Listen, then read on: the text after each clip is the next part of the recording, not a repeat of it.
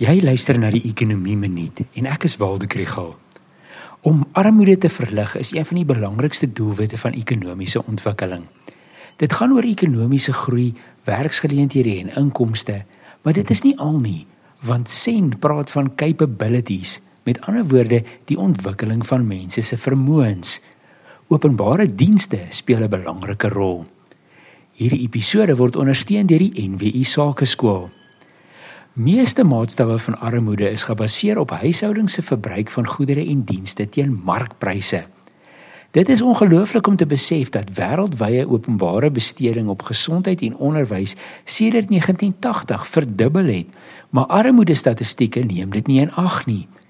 Dit beteken dat verskille in armoede tussen lande nie reg gemeet word nie. Ongeveer 5% van mense in Indië word as arm geklassifiseer omdat hulle self private gesondheidsorg moet betaal.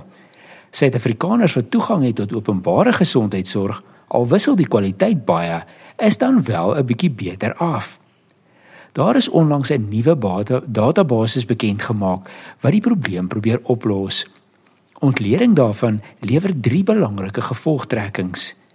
Die waarde van openbare dienste wat die armste 30% van die bevolking ontvang, het sedert 1980 verdubbel as 'n gedeelte van die BBP.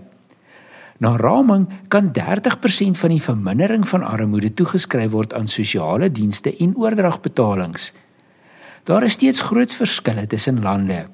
Die armste helfte van die bevolking ontvang 11 tot 12% van die BBP in Wes-Europa en die VSA net so onder 10% in Suid-Afrika, maar in China en Indië is dit nader aan 6% en in Pakistan, Indonesië en Nigerië is dit nader aan 4%. Dienste soos openbare gesondheidsorg en onderwys is so belangrik vir armoedeverligting dat dit juis belangrik is om dit volhoubaar te kan lewer.